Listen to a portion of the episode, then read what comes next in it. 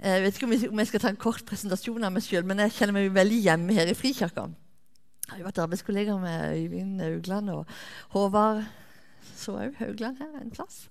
Jeg har vært i Frikirka i nesten 30 år, tror jeg. Jobba på kontoret i byens frikirke i tre år. Eh, og eh, har enda må rett som det ta en liten sniktelefon til Øyvind for å få litt oppdatering og litt videre opplæring og oppfølging. Du har fått følge med tett og betydd veldig mye for meg. Um, nå er jeg blitt pinsevenn på mine godt voksne dager og um, jobber på full tid med noe som heter Damer i byen. for dere som har hørt om det, og det er et arbeid som um, som hører inn under Philadelphia eh, i Kristiansand, men på en måte med en tverrkirkelig, tver, tverrkirkelig fokus. Så vi, eh, vi liker å si at vi er et vekkelsesarbeid eh, og et disippelgjøringsarbeid.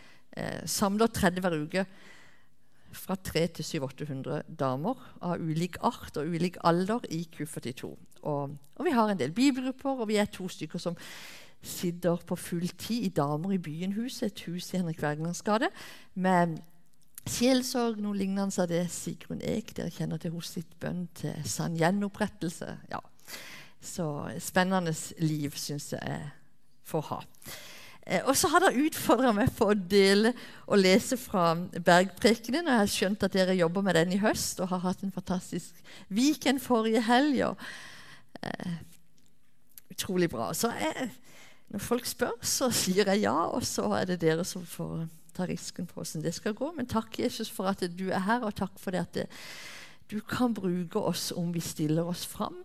Takk, Jesus, for at vi er bærere av det. Og takk for at det betyr en gedigen forskjell. Så jeg takker deg for at jeg kan få stå her med frimodighet. Eh, I tillit til at du, Jesus, er her, og du vil tale forhåpentligvis fra hjerte til hjerte. Amen. Så jeg bare durer på å lese teksten som jeg har fått, som er Matteus 5 og vers 13-16. Salt og lys. Og jeg leser ja, jeg leser, bruker Hverdagsbibelen eh, mye. Er det mange som har den? Det er jo veldig sånn ny, noen, ny oversettelse. Veldig sånn lett, moderne språk. Så det, Bibelen ble helt ny. Veldig, veldig gøy. Kan anbefales. Hverdagsbibelen. Dere skal virke som salt på jorden, som bevarer verden fra forråtnelse. Men hvis saltet mister sin saltkraft, hvordan kan det da bli salt igjen?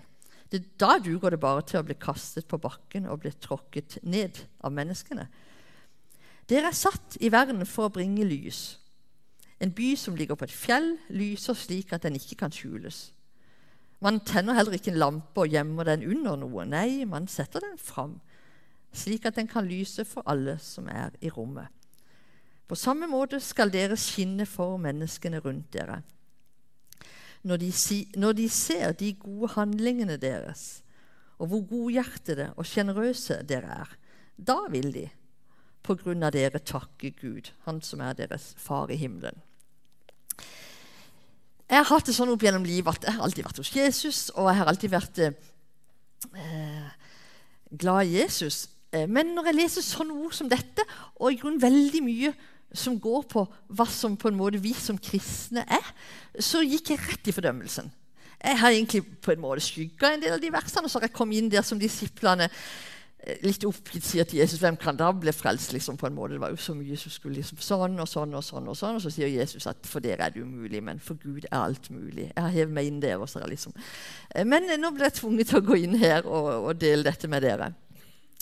Så er det jo heldigvis sånn at vi vet at det å være hos Jesus Når jeg kom i vadder med meg sjøl, og at evangeliet virkelig gikk opp for meg eh, som 21-åring, forsto at jeg er jo frelst bare av nåde.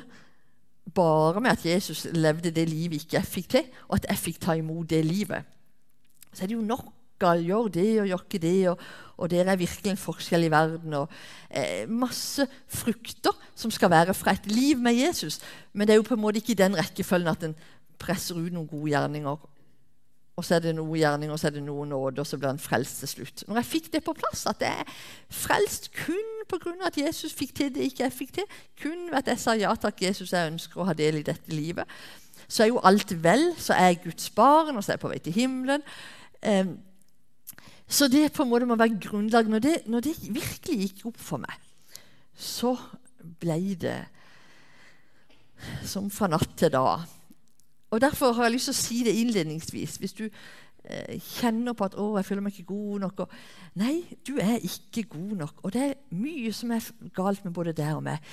Det er kun Jesus som er god nok. Og det er kun med at vi har tatt imot Han, at vi, har, eh, at vi er Guds barn, at alt er vel av Han som har flytta inn i oss. Og Når Jesus nå eh, snakker, deler disse ordene Vi vet at det er på begynnelsen av virket på jorda. Han har vært 40 dager i ørkenen, bønn og faste. Han har gått litt rundt i Galilea og gjort tegn og under og undervist. og Disiplene følger med han. Han har utvalgt disse tolv. Eh, og det samla seg jo folk rundt han. Det var jo spektakulært å følge Jesus. Det var jo helt utrolig hvordan han levde. Eh, så det stimla jo folk rundt han overalt. Og Så tar han disiplene litt til side. Men det var ikke så lett, for folk kom etter allikevel. Så han ville undervise disiplene litt, men det var jo spekka fullt av folk. Så det var mange som fikk del i den kjente undervisninga, bergprekenen. Og når han da til sine disipler dere skal være eh, salt og lys i verden, så var det egentlig utrolig revolusjonerende undervisning for de som var stort med Gammeltestamentet, som var vant til Sånn gjør du, sånn gjør du ikke. Sånn gjør du, sånn gjør du ikke. Klare regler som du i det menneskelige på en måte kunne klare å prestere. Så kommer Jesus så helt radikalt og snakker ikke liksom sånn og sånn og ikke sånn. Men dere er liksom salt, dere er lys. Han går mye dypere. Han snakker om naturen, om hjertet. Han snakker om liksom det innerste vesenet, som er helt annerledes hos dere som har tatt imot Jesus. Eh, og ut fra det livet så vil det bli ting en gjør og ting en ikke gjør, men liksom ikke i den rekkefølgen med alle disse lovene og budene og reglene som de var vant til å forholde seg til. Derfor er dette veldig revolusjonerende og helt nytt, eh, det som Jesus underviser om her. Og hva, Hvordan skal vi forholde oss til dette? Det står at vi er salt og lys. Det er vi per definisjon. Alle vi som har tatt imot Jesus. Du som har tatt imot Jesus, du er salt og lys der du bor. Salt og lys eh, er ikke noe er veldig god på sånne bilder å legge ut, men dere vet det mer enn nok sjøl til at salt og lys det er ingredienser vi trenger for livet. Vi vet at salt har mange oppgaver. Salt setter smak på ting. Salt hindrer forråtnelse. I den tida hvor du skrev, var det jo særdeles viktig. ikke vel, når ikke de hadde elektrisitet, kjøl og frys. Og det bevarte ting. Setter smak på ting. Det gjør oss tørste. Mange funksjoner som saltet har, men det er helt livsnødvendig i alle fall. Lyset. Ikke vel, Det varmer, det er godt. Eh, det avslører også. Det er en nødvendig ting. Vi skal være som lys for mennesker, lyse opp tilværelsen for mennesker med våre gode gjerninger. Lys og salt, viktige ingredienser som vi har. Men så står det jammen meg her at men hvordan, altså om saltet mister sin kraft, hvordan kan det da bli salt igjen? Og så har jeg hørt det fortalt at salt kan faktisk ikke miste kraften. Salt er salt uansett og kan ikke miste kraften. Men hva, menes da? Eh, for Her snakker Jesus om at saltet kan miste sin kraft. Jo, det jeg har forstått det menes, det er at saltet eh, at de tynner det ut med andre ingredienser, så det blir mindre konsentrat eller mindre del av salt, og så ble det blanda ut med andre ting. Og da ble jo kraften mindre. Og det gir jo veldig fornuft inn i dette, syns jeg. Som kristne så har vi tatt imot Jesus. Vi er hans sine barn. Vi har fått Den hellige ånd. Den hellige ånd flytta inn i oss når vi tok imot Jesus. Og Den hellige ånd er jo salt og kraften som vi har i vårt liv. Men så er det sånn at det var vel bare Jesus som 100% var et 100% kraftfullt salt og et lys uten noe skygge, uten noe demping, men 100% For vi har dessverre eh, lett for å fylle livet vårt med en del andre ingredienser enn ånd. Han er der, Jesus er der, men vi har også, så lenge vi lever på jorda Vi har en sjelsliv, vi har en kropp, vi har et tankesett som kan fylles, og som er fylt også fra andre ting som ikke er fra Jesus. Det er en av konsekvensene som ikke er fra Ånden. En av konsekvensene av å leve i en fallen verden. Så vi består ikke bare av ånd. Det gjorde ikke Jesus heller, men hans sjel var ikke infisert av noe mørke, av en mørk verden. Han levde hellig og reit og lot ikke noe av dette mørket i verden få innpass, og han handla ikke ut fra det. Det gjør vi. Eh, og takk og lov at det er tilgivelse, og takk og lov at vi er like fullt Guds barn. Selv om vi ikke bare består av Helligånd, men også har ting på sjelen som ikke er fra Ånden. Men hva, hva, hvordan skal vi forholde oss til dette?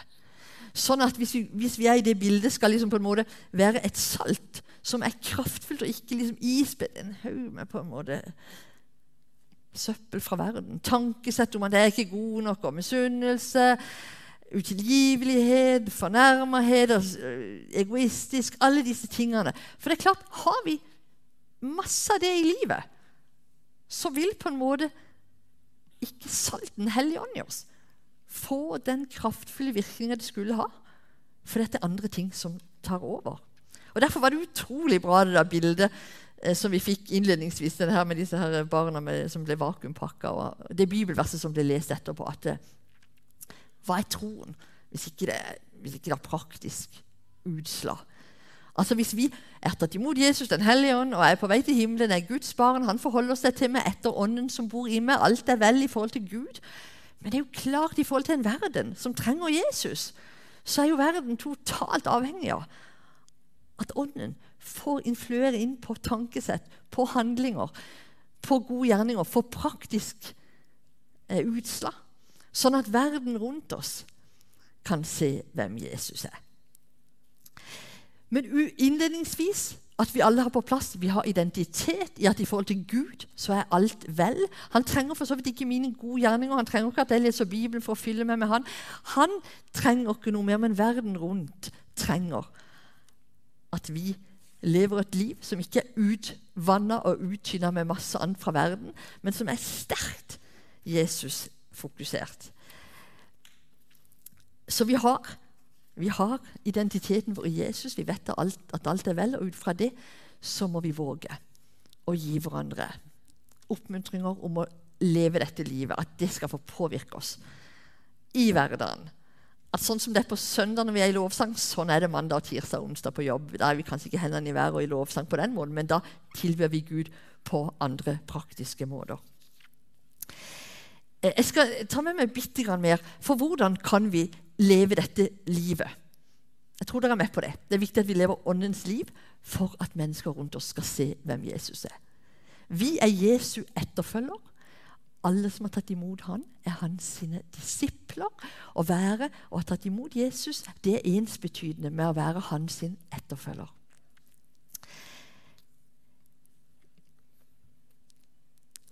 Så hvordan skal vi forholde oss til dette? Hvordan skal åndens liv i oss få lede oss? Jo, eh, vi må fylle oss med det. Vi må gi næring. Vi må ikke få næringa fra verden, fra hva folk sier, fra hva massemedia sier, fra en skitten verden. Men vi må få maten, vår åndelige mat, fra, fra Jesus sjøl, fra Guds ord, fra det kristne fellesskapet, fra å bruke tid med Jesus. Og faktisk, I Gammeltestamentlig tid, hvor det var liksom, du må ikke det og du må det, så de om, så var jo inngangen til på en måte Guds rike det var omskjærelsen. De kutta av noe daud kjøtt som ikke de trengte. Eh, og så ble de innlemma i Guds rike på den måten. Men det snakkes faktisk også om en omskjærelse i nytestamentlig tid. Som et bilde for at vi skal forstå dette. Hvis vi leser i Filipperne 3, vers 3-4. For den egentlige omskjærelsen skjer i menneskets indre. Det skjer ved at Den hellige ånd forleder oss.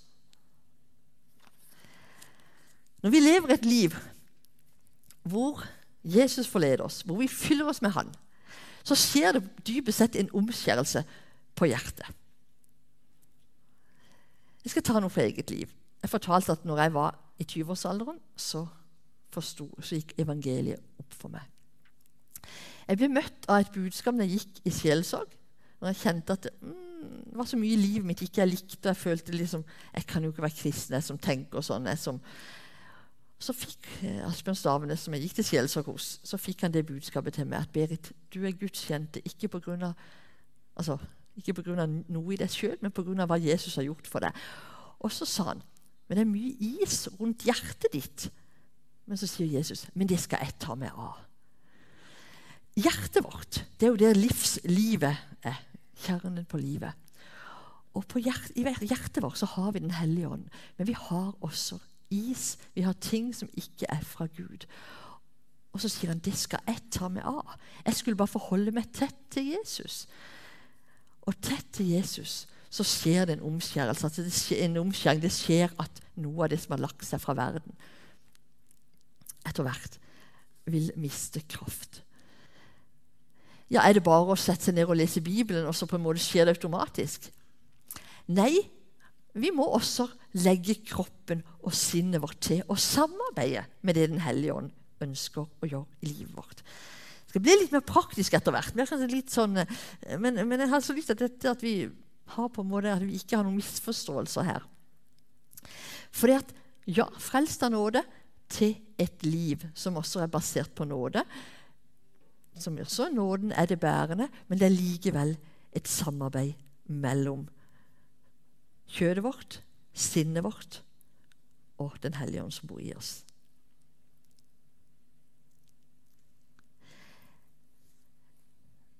Spenn derfor beltet fast som livet, vær våkne, beredt i tanke og sinn, og sett håpet fullt og fast til den nåde dere får når Jesus Kristus åpenbarer seg.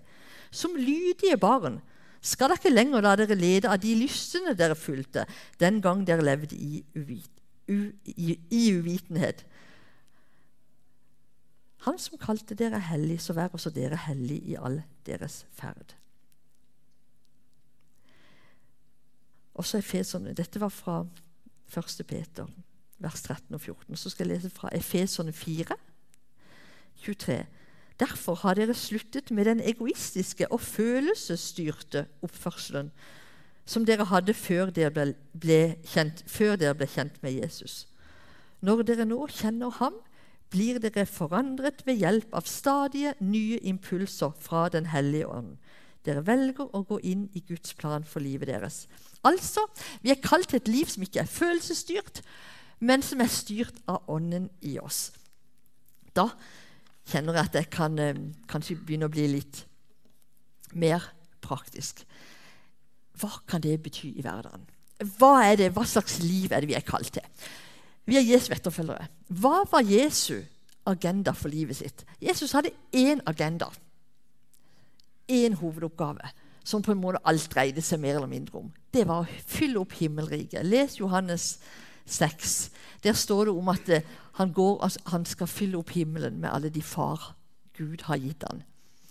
Og det oppdraget er gitt videre til oss. Vi har fått i oppdrag å sørge for at mennesker kommer i kontakt med Gud, kan bli frelst, kan få del i det evige liv. Dypest sett så er det det vi er kalt til så er det mange fasetter i dette. Alle skal ikke stå og fortelle om Jesus til alle de møter. Eh, vi har et liv som skal leves. Men uansett hva vi kjenner livet vårt eh, Om vi har familie, om vi er alene, om vi, er en, om vi jobber som bussjåfør vi, Uansett så er livet vårt å leve med Jesus det for få lov å prege livet vårt. Sånn at vi er positivt, et positivt eksempel for verden. Og så blir det kanskje et tid hvor du kan få dele evangeliet. Det blir kanskje et tid hvor du kan få invitere noen med på et møte. Hvor du kommer så nær at du kommer til selve kjernen. Eller kanskje med at du er et godt eksempel. Mennesker ser oi, det er noe spesielt med henne. Hun er kristen, har jeg skjønt. Og så er det kanskje en annen en som får et menneske du har fått sådd inn til og så er det kanskje et annet menneske som får delt evangeliet, et tredje menneske som får høste inn. Men vi er i alle fall kalt inn i en verden, og vi er et helt annerledes folk enn verden. Hvis vi er lik med verden, da, vi ikke, da representerer vi jo ikke et annet rike som folk vil bli nysgjerrige på. Så vi er en forskjell i denne verden når vi ikke lar vårt følelsesstyrte liv prege oss. For vi føler, vi kan føle på fornærmethet, vi kan bli skuffa, vi kan bli irriterte. Men vi er kalt ikke leve ut fra det som vi kjenner kanskje er urettferdig. Eh, på jobben for eksempel, så er vi en forskjell. Vi er ikke så opptatt av rettferdighet. Vi er ikke så opptatt av om vi får en større oppgave enn kollegaen. Vi gjør det med glede. Vi er ikke så redd for å høre om krig og forurensning skal verden gå under. Eller vi er jo ikke redde for sånne ting. De merker jo at vi er på et annet nivå. Vi er jo ikke liksom opptatt av å snakke negativt. Vi deltar jo ikke i baktaling. Altså, vi har visse prinsipper som på en måte, Fordi vi lever tett på Jesus, og fordi vi ber han lede oss, så blir vi en helt forskjell. Vi bryr oss ikke om vi må bruke tid med noen mennesker som kanskje ikke vi har kjemi med, men vi gjør det, for vi har en grensesprengende kjærlighet på innsida som vi slipper frem. Og når vi er et sånn et annerledes folk, når vi er et salt og lys i verden, så vil det bli en tiltrekning mot oss. Folk blir nysgjerrige på hva du har. Du er en forskjell, og folk er nysgjerrige på det. De lurer på, jeg skal lure på hvorfor hun er sånn. Hvorfor er hun ikke redd? Hvorfor, ikke, hvorfor blir hun ikke irritert? Hvorfor tar hun ikke igjen? Når, når du har grunn til å ta igjen, så gjør du det ikke. Hvorfor? Det er klart folk lurer. Jeg har lyst til at vi oppmuntrer hverandre til dette livet. Så kanskje du tenker at det er jo ikke alltid det er sånn. Nei, er det ikke det for det? Det er ikke det for meg heller, altså. Men jeg tror for å være helt ærlig, jeg tror at mye bedre mennesker Lillian, du er svigerinna mi, er ikke mye greiere i dag enn for fem år siden. Jeg har mye greier. Du vet, Jeg lever jo tett på Jesus, leser Bibelen, ber, og jeg går jo stadig til rette. Det var litt med som en vits, men altså, jeg håper det. For å være helt ærlig, jeg håper det at jeg er et bedre menneske i dag enn for noen år siden. Jeg tror faktisk jeg er død. Jeg kjenner følelsene mine. De er ikke alltid helt i vadder. Absolutt ikke. Men jeg har jo mye sterkere vilje. Jeg har mye større glede av å gå på det jeg vet det er sant. På ånden i meg. Jeg trigger meg sjøl hele tida. Og så får jeg erfare mer og mer. Vi er kalt ikke til et religiøst liv sånn som de var på gammeltestamentlig tid. Vi er kalt til et liv som er større enn oss sjøl, som er ut fra ånden i oss. Vi er kalt til et liv hvor vi slipper fram de kreftene som er på innersida av oss, på tvers av hva vi måtte føle og kjenne. Hva er det å leve et trosliv? Jo, det er å tro på noe som er større enn deg sjøl. At vi har noen gjerninger hvor uten Jesus går dette aldri godt. Du tar på en måte steget ut av båten, sånn som Peter måtte gjøre, og oppdage at vannet holdt. Hva er vår båt? Hvor skal vi ta steget ut av båten? Det er erfaring, og det du vet. Sånn er det, og sånn funker det i det verslige. Ja, men så tar du et steg over det. Men dette funker ikke, dette kommer aldri til å gå og skal jeg bli venninne med henne liksom, for at hun skal bli kjent med Jesus? Nei, det kommer til å bli kleint. Du blåser i de tingene som er på en måte din erfaring og din verden, men du går hakket videre. Jesus, Uten dette går det aldri bra. Uten dette kommer det til å bli kleint. Det er jo der det begynner å ligne på et trosliv. Det å se utfordringer og se potensialet. OK, Jesus, dette liksom Men her kan du komme til. Jeg skal ta noen eksempler på hva jeg mener med dette. For jeg tror vi har å gjøre, eller vet vi har å gjøre med en Gud som er interessert i ditt hverdagsliv. Men han er interessert i at ditt banale hverdagsliv skal bli guddommelig og fullt av ånd og liv og kraft. Og ikke på verdens nivå, men på Guds nivå i en vanlig hverdag. Jeg må si det til meg sjøl hele tida. Når ikke jeg føler for, så må jeg hele tida Ok, husk jeg lever med Gud på innsida. Husk, Gud er her. Eh, så ofte må jeg trigge meg selv på å gjøre ting jeg trodde ikke hadde gått. Ikke, men jeg vet at det kan gå fordi Gud er med meg.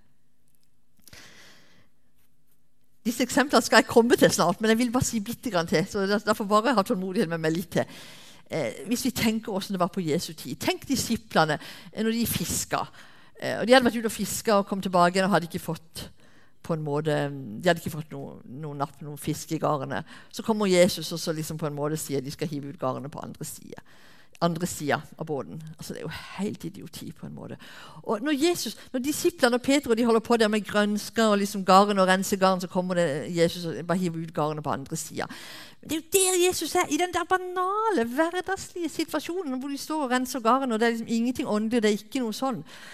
Så sier han bare kast ut garnet på andre siden, så skal du se du får fisk.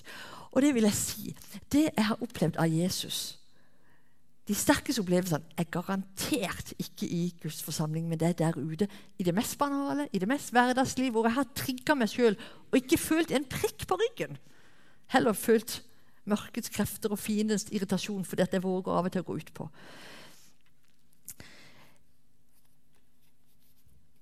Jeg kommer til å sirkle inn nå på det holdt på å si, oppdraget. Hvor, hvordan er dette i mitt liv? Hvor jeg føler ikke for, kan ikke skjønne at dette skal virke, men jeg går fordi jeg vet at han som er i meg, han har gått foran til mange av de menneskene jeg treffer. Han har gått foran, han virker, han er med. Han er så nær som pusten min, og han er der. Det må jeg bare tvinge meg til. Å gå på, vilje, på viljen med den kunnskapen i på en måte hodet mitt, at jeg vet at han er der, og så må jeg gjøre ting som i det naturlige kan virke litt unaturlig. Eh, I fjor sommer så var det vi skulle begynne Damer i byen. Det var en, jeg tror det var en tirsdag, faktisk. Første Damer i byen, byen skulle møte, eh, begynne den kvelden. Så var det veldig fint vær. Jeg var der på Bystranda en liten time og hadde en god pause. Og så ser jeg det var få folk, så ser jeg ei litt eldre dame som sitter litt hen forbi. Og som er typisk et kjent ansikt på byen. Sånn som hva du har sett, men du har ikke peiling på hvem det er.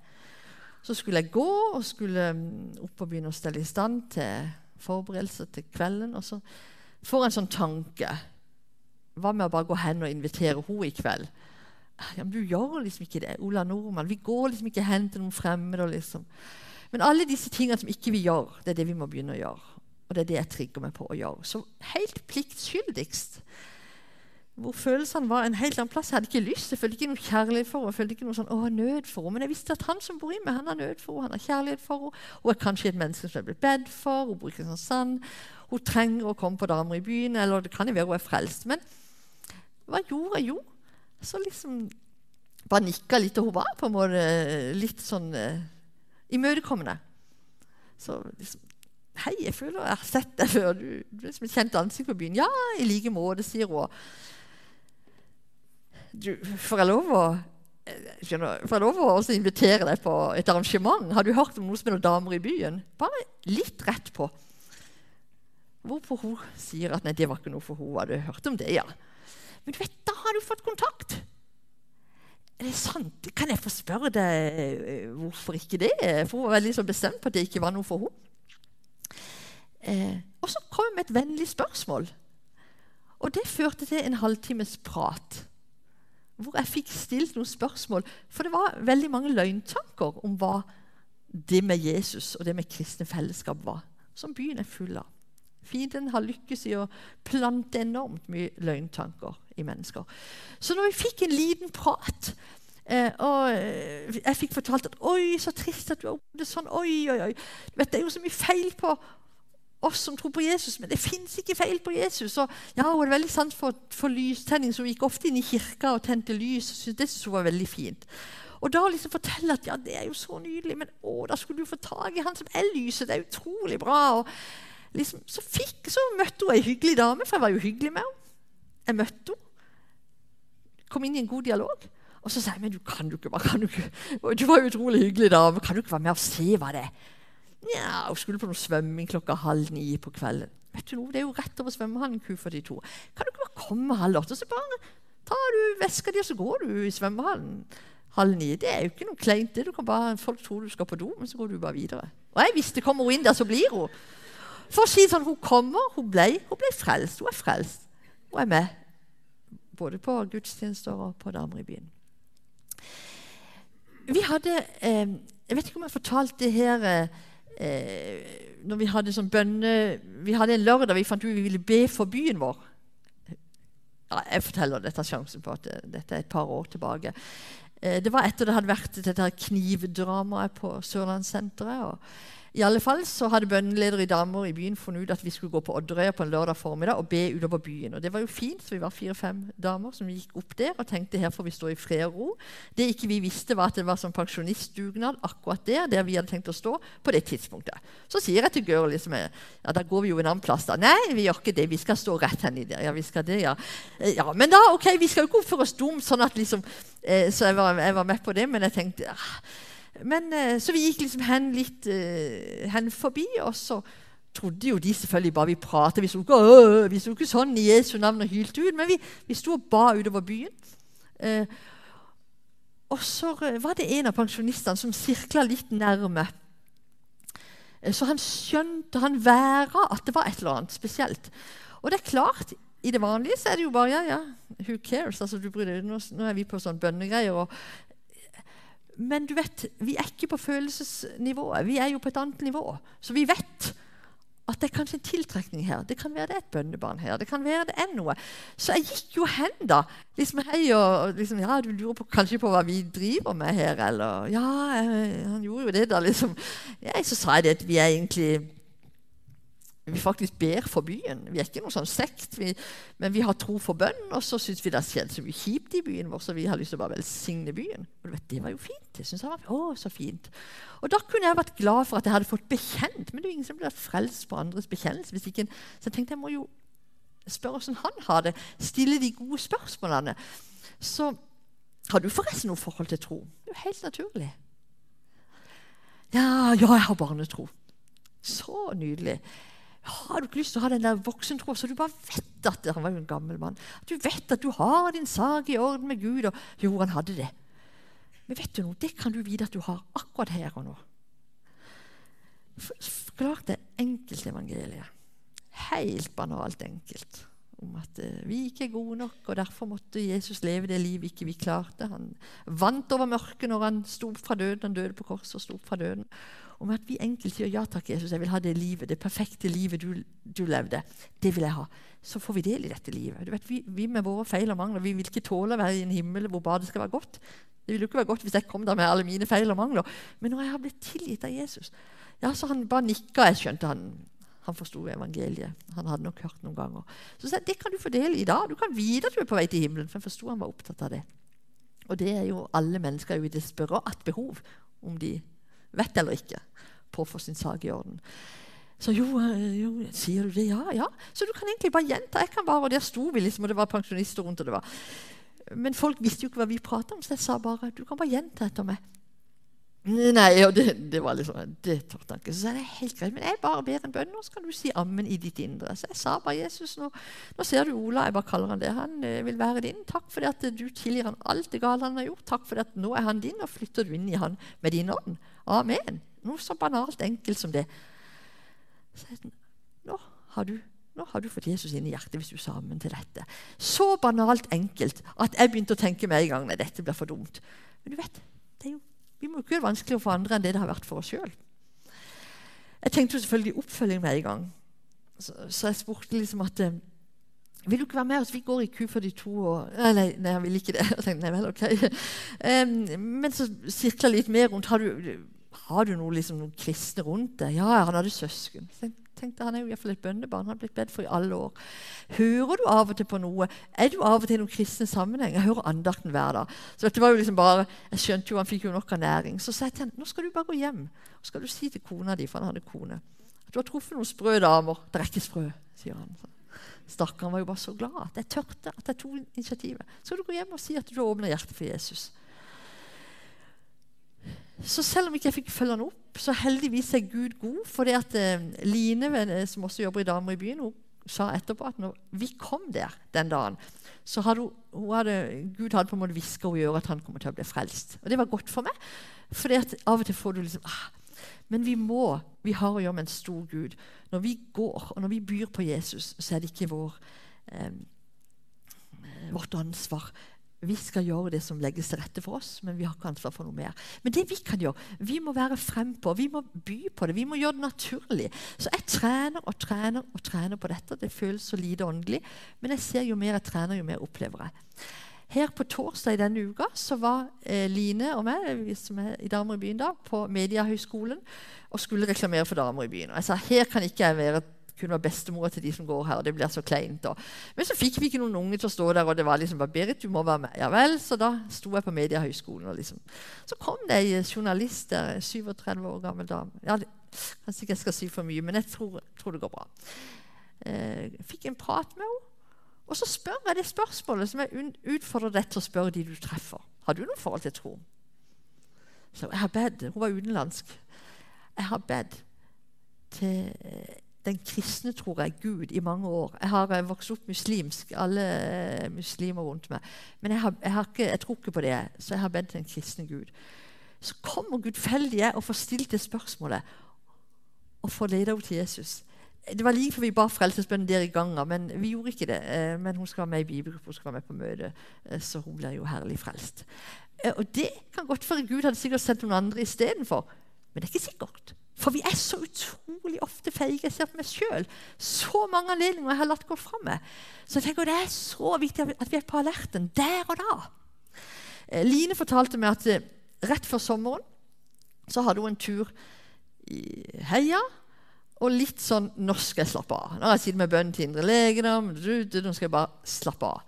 Men du vet, selv om du slapper av, så er du på alerten. Du har jo Guds ånd med deg der du er. Og så var det et eller annet som gjorde at mm, kom ei ung jente.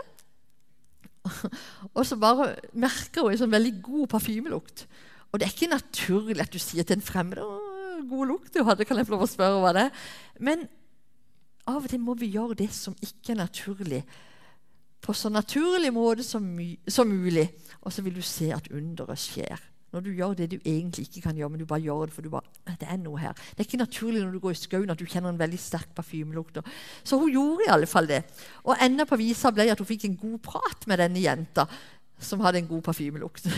fikk navn på parfymer. Men hun, Line var jo selvfølgelig på alerten. og liksom fortalte liksom, ja, du skjønner, jeg var på jobb, jeg jobber med damer i byen, har du forresten hørt om det? Så er du i gang. Du er bevisst på hvordan du styrer samtalen. Og det endte med Altså, det er utrolig koselig å prate med deg. Skal vi ha en kopp kaffe en dag? Ja, det hadde hun veldig lyst til, for hun skjønte at det var en jente som kanskje trengte noen flere relasjoner.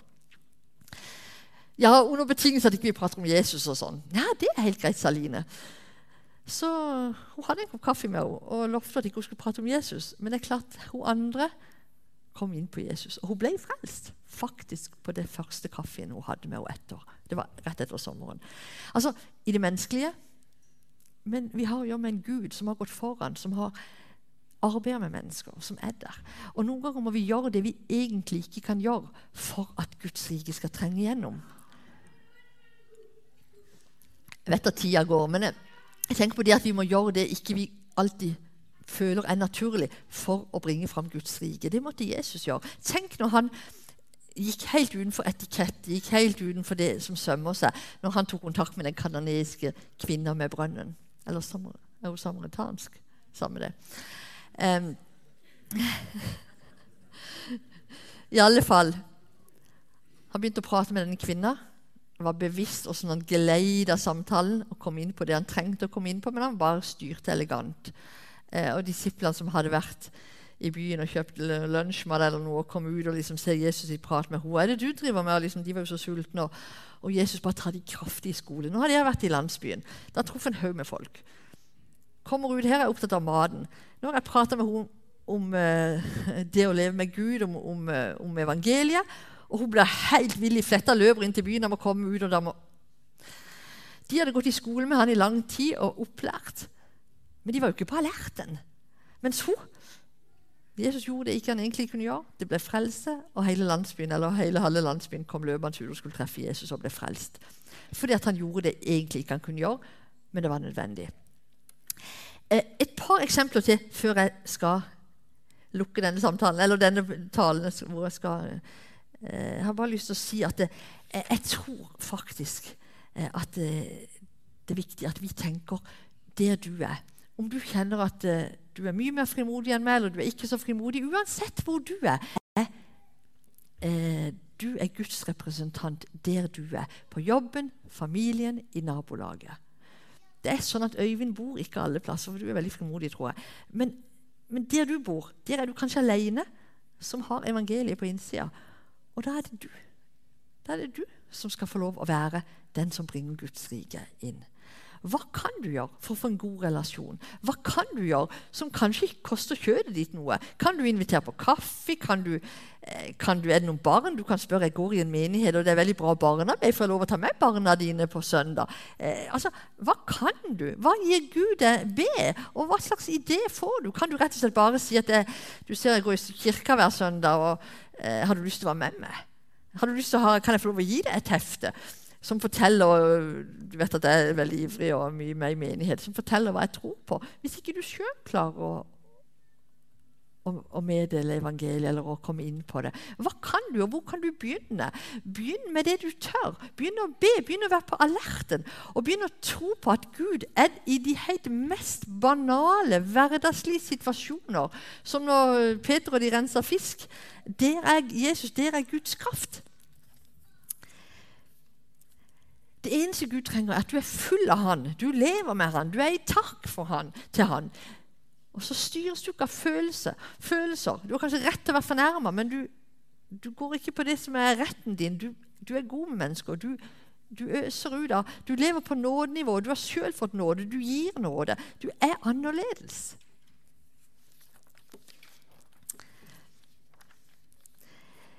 Det har Du skal vite at du er Har du tatt imot Jesus, så er du salva til av Den hellige ånd til å nå andre mennesker med evangeliet. Han som bor i deg, han har makt og kraft til å frelse mennesker. Du har sprengkraft på innsida. Eh, la oss oppmuntre hverandre til å begynne å se forbi det synlige og gå. Begynne å gå små steg Små skritt. Jeg må si, Når Sandy kom hen og hilste på meg her, så tenker jeg jeg har jammen fått åndelig tippoldebarn. Når jeg fikk invitert Guri med på eh, damer i byen som var veldig fremmed for de kristne, og som tok imot Jesus, og hun treffer mora til Sandy, for dere som måtte kjenne Sandy, hun var med på menighetstur forrige helg, eh, Turid. Når Guri treffer Turid, som var fremmed for Jesus, men Guri fikk for seg at når Turid kom, eh, mor til Sandy kom med, med hunden, og hunden hadde problemer med labbene 'Skal jeg be for hunden din?' sier Guri. 'Be for hunden min', sier Turid. Så bare, er du steingal? Men så gjorde hun det, og så spør Guri hvordan kjenner du Jesus forresten. Nei, jeg gjør jo ikke det. Åh, Det har jo forandra mitt liv. Og Så får hun fortelle om hvem Jesus er til Turid. Så ble Turid frelst. Og så syns jo Sandy det var veldig kleint at mamma ble kristen, for det var jo veldig fjernt fra de sin familie. Og Til slutt så sier Turid kan jeg få lov å fortelle deg hva det betyr for meg. da, Sandy? Og når Sandy hørte hva det betydde for mamma, hadde sittet lenge og prata med henne, så gikk hun på kvelden og tok seg en dusj og sa hun, Jesus, hvis du er det som mamma forteller, så ble hun møtt av Jesus i dusjen. for å si sånn. Hun bare der og da. Og så har hun tatt imot Jesus, og nå har hun med seg sine barn, og så er hun her i menigheten. Eh, så den lille invitasjonen til et møte dere som har så utrolig menighet her Så mange av naboene deres, eller de på jobben deres, familien, ville blitt så glad om bare de fikk en invitasjon. Ja, vi inviterer i avisen, de vet de er velkomne. Ja, men du kommer ikke her av eget initiativ. Da skal du være tøff. Da skal du være tøff. Jeg går ikke i kirke, jeg hører ikke til dere, jeg er jo ikke god nok. Alle disse løgnene sitter så innbakka i oss nordmenn. Så den personlige invitasjonen er så viktig. Dere har jo så mye bra. Dere har denne middagen, dere har denne formiddags seniortreffet på tirsdag. Tirsdag er jo en vanvittig dag. Og det er klart når det er middag, så er det veldig koselig å bare sette seg med den du kjenner. Men du gjør jo selvfølgelig ikke det, for du er ikke følelsesstyrt. Du ser rundt deg, så ser du Oi, hun er der. Hun tror jeg ikke går her i menigheten. Og så går du hen og sier Hei, er det første gang du er her? Eller nei, jeg har vært her noen ganger. Ja. Eh, er du vokst opp med menighet, eller nei? Har du vært på gudstjenester vi har, eller har du Nei, egentlig ikke. Ja, Så får du en prat om det med tro. Så kan du fortelle hva det betyr. Du vet, Før jeg trodde jo liksom jeg måtte være så god for å være kristen, men jeg, for meg ble det så utrolig bra når jeg skjønte at, liksom, at det er bare Gud som er god nok. Og det er jo ikke en religion, det er, jo en relasjon med Gud. Og det er utrolig bra. Kan du ikke være med på et møte og se hva det er? Du trener deg på å komme i dialog. Og så slutter jeg med et utrolig vitnesbyrd fra ei heter Tone Charlotte Arntzen Reme. for dere som måtte kjenne henne, og Tor Jørgen Reme. De lever dette livet. Eh, hun fikk en gavekort eh, personlig trener på var det satt en eller annen plass eh, og, av mannen sin. Og hun er hele tida på alerten. Eh, og så eh, etter hvert så hadde jo han utfordra henne på trening og på liksom all verden. Så sier hun bare at du var var en nordlending hun hadde som personlig trener. Og litt sånn en frisk en som var veldig fremmed for de kristne. Kan ikke jeg utfordre deg litt? Jeg betaler for timen. Jo, er du gal? Så satt de seg ute i sola. Så jeg har lyst til å spørre deg, Hvilke tanker har du om livet? Om, eh, spurt litt sånne eh, spørsmål i forhold til Ja. Hva han trodde på osv. Eh, hvor det ender med at han er jo veldig åpen. Det hadde hun ikke fått rede på hvis ikke hun hadde innleda en prat. Så var det noen ganger senere så sier han til henne når skal du kjøpe en bibel til meg. Liksom sånn, For da var han litt sånn. Eh, I morgen så kommer hun med hverdagsbibelen til han dagen etter. Utfordrer han på å lese Johannes evangeliet. Og så viser det seg jo det er jo en som er blitt bedt for. Det kunne jo ikke se på han. For det virker jo ikke som folk er klare for evangeliet. En kul 25-åring som på en måte virker som han er opptatt av helt andre ting. Men du er på alert når du byr på det. Så mennene, mannen starta jo umiddelbart ei sånn gruppe som på en måte hvor de kunne invitere med seg litt. Ja, Han kom på den gruppa ble Så prater så høyt at det hører meg sikkert allikevel. Men likevel de, Det er ei som begynte å stille et spørsmål. Har du noe forhold til tro? Det enkle spørsmålet, banale spørsmål. Så Jesus, jeg ber Jesus om at vi som ditt folk Takk for det er ingen fordømmelse for oss. Vi er tilgitt, vi er dine barn. Du ser på oss som perfekte mennesker i det. Og det er så utrolig godt. Men hjelp oss ut fra det til å være til å slippe løs saltet på innsida. Og har vi tynna ut saltet med mye krimskrams, bruk av tid som ikke henger på greip, og menneskefrykt, som ikke er noe annet enn 'jeg kan jo ikke', og 'hva vil folk si'? Pur stolthet, Jesus.